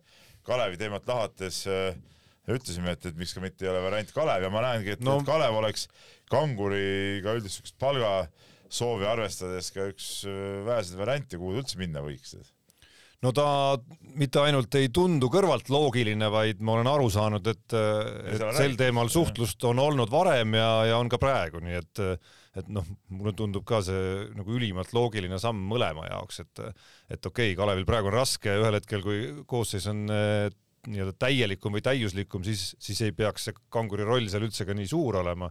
teisest küljest ta nagu stiili mõttes ükskõik mis koosseisu puhul nagu täiendaks päris hästi seda eesliini valikut seal. oleme näinud siin aasta, paari, mitte, mitte väga ammu, kuidas ta seal nagu endast päris palju suuremaid äh, mehi nagu Gustavo Aion on suutnud siin nagu VTB liiga tasemel kaitses nende vastu mängida, mis, mis on nagu stiili mõttes nagu oluliselt teistsugune nii-öelda nagu kasu, mida suudab tema pakkuda võrreldes näiteks Kristjan Kitsingu või Gregor Hermetiga. küsimus ongi selles, et eelkõige tugevdakski kaitset, eks ole, mis on Hermeti ja Kitsingu kõige nõrgem koht, just see korvialane kaitse ja see kuhu mehed ei taha minna. nii, aga et selline jah, siuke, ta võiks täitsa minu arust võiks sellel tasemel Kristjan mängida siin lõpuaastaid küll nagu Eesti Kail Heinz natukene, liigub ja, positsiooni mõttes liigubki tsentrisse. ma tahaks siinkohal ära märkida, Kail Heinz alustas Euroliiga hooaja ikka väga kõva mänguga väga kõva mängu, Jaan on ju? jah, kindlasti.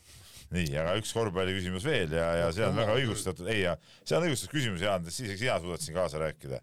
Äh, palun selgitage, miks täna laupäeval, see on siis laupäeval saadetud kiri, kõik Pahv korvpalliga mängud algasid kell seitseteist. miks neid natukenegi ei hajutata, kell üheksateist on väga okei okay aeg mängimiseks. tagantjärele vaadates on raske emotsiooni saada. täitsa õige küsimus. väga õige küsimus minu arust ka ja siin on nagu päris kõva kivi äh, korvpalliliidu kapsaaeda muidugi täiesti absurdne, need mängud ühel ajal on. ja me mäletate kunagist väga-väga ammust aega, kui Kalevi spordihallis toimusid kõik need Eesti liiga mängud ja oligi, kolm mängu tuli järjest kõik ja läksid kohale ja vaatasid kõik need kolm Eesti liiga mängu ära. esimene hakkas, mis, mis ta hakkas seal võib-olla kella ühe-kahe paiku ja ja, ja venis niimoodi õhtuni välja ja, ja saab küll korraldada erinevatel aegadel, pole probleemi ja no eriti nädalavahetusel, et, et nädala sees võib-olla on see keerulisem, kui sul mängupäev satub, siis, siis nagu ega sa enne noh, kuute ikka naljalt ei hakka ju mängima, onju, aga, aga no üldjoontes on mul selles mõttes vähe lisada sinna, et ja eks me ise ka suhtleme korvpalliliiduga, et et, et näidata ja, ja väljendada ka oma soovi, et need mängud oleks võimalikult hajutatud, sest noh, loomulikult mida rohkem neid ühel ajal on, seda vähem jagub ühele ülekandele ka vaatajaid. omal ajal, kui ma Postimehes töötasin, siis me näitasime võrkpalli Eesti meistriliigat ja seal oli niisugune mees nagu Karol Paas, legendaarne vend, ja tema nagu korraldas asjad küll nii just, et no, mängud ei oleks ühel ajal. ka meie näitasime neid mänge ja ega, ega seda nagu väga hästi ei, seal üks hooaeg oli küll, kus ta üritas seda ikka väga selgelt, kui keegi teine ei näidanudki peale meie, kus ta üri-, suutis asjad nagu, nagu, nagu ära, ära sättida. aga noh, minu arust halb on ka see, et need üldse see mängu, et need mängud on kõik nagu see nädalavahetuse peale kuhjatud, et tegelikult äh, minule meeldiks see versioon rohkem, kus kus mängud on rohkem mööda nädalat laiali tegelikult, noh, et see oleks nagu parem variant noh, eks see natukene, ka see, natuke see häda tuleb ka mängu, kus sul, kui sul satsides hakkab rohkem olema seal õpilasi ja töötavaid inimesi, siis ongi päris keeruline neid nädala sees mängida. noh, mingeid sõite ette võtta näiteks. nojah, aga midagi teha pole, sa pead ikka valima lõppkokkuvõttes. nii, ja, ja võtame veel ühe korvpalliküsimuse Jaani rõõmuks no. Jaan vastab. viimaseks ja, seda kirjutab Kokapoiss, kes on meile viimasel ajal päris palju normaalseid küsimusi saatnud ja küsimus on selles, et Euroliiga hooaeg on pauguga alanud ja küsimus on lihtne ja konkreetne.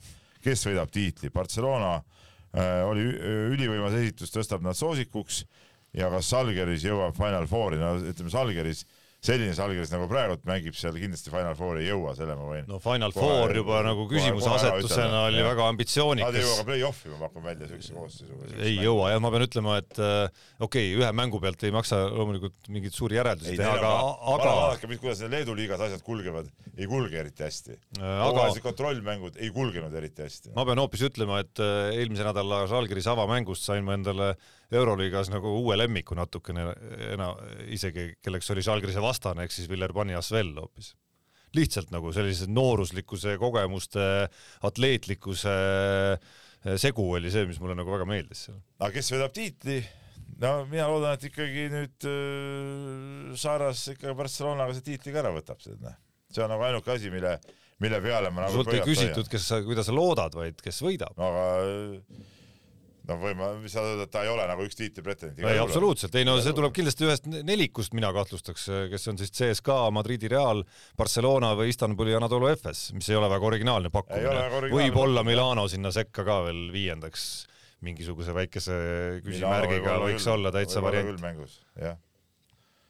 et ei, ma ei tea. aga kui... tavaliselt ma tuletan meelde, on Final Fouri jõudnud ka üks üllatusvõistkond, peaaegu alati on üks siuke olnud ütleme, keda võib-olla ei ole nii väga oodatud, samas Žalgiris on seal olnud, eks ole. no eelmisel aastal eelmine aasta võib olla, aga seal on olnud, mingi aeg oli see Kuban, eks ole, jõudis ja noh, seal Žalgiris. ja seal, ma räägin Žalgiris ka jah, et, et seal on, on neid siukseid natuke lihtsamaid satse ka olnud. no kui ma ennustan, kui peaks mingi tabeli tegema siia, siis mina ei tea, mina vist nagu, kui ma oleks sunnitud pakkuma midagi, siis ma ikkagi nagu paneks nagu FS-i, et sellepärast lihtsalt, et et see sats on neil alles, neil tuli üks päris huvitav kuju sinna nagu juurde ka, ma tean, et tiitlit on väga raske kaitsta aga teisalt on neil see kogemus nagu olemas, kuidas seal kruiisida natukene aega ja, ja olla mingites raskustes ja siis ühel hetkel koguda sats kokku, vaadata teineteisele silma ja öelda, et nii, nüüd paneme nüüd nagu, hakkame asja tõsiselt võtma ja äh, ma ei tea, kuidagi see Ataman ja Mičic ja see kooslus seal äh, ma, ma paneks nagu, kui ma peaks panema, paneks selle. olemuslikult mulle FS Pilsen tegelikult ei meeldi. ja kuulge, meil hakkab teine tund juba täis saama siiski tund kaheksateist. üks minut läks selle peale, et meil operaator Rubilniku mees ei suutnud äh, siin asju korralikult käima saada, nii et. see-eest on tal parkimiskoht parem kui sul. ja seda küll ja seda asja me hakkamegi nüüd kohe, kui nupud maha keerame, arutama. just, aga te võite teha oma Euroliiga oma podcast'i ja rääkige seal nii palju, kui tahate, aga sellega on meie saade lõppenud. mehed ei nuta. saate tõi sinuni Unibet, mängijatelt mängijatele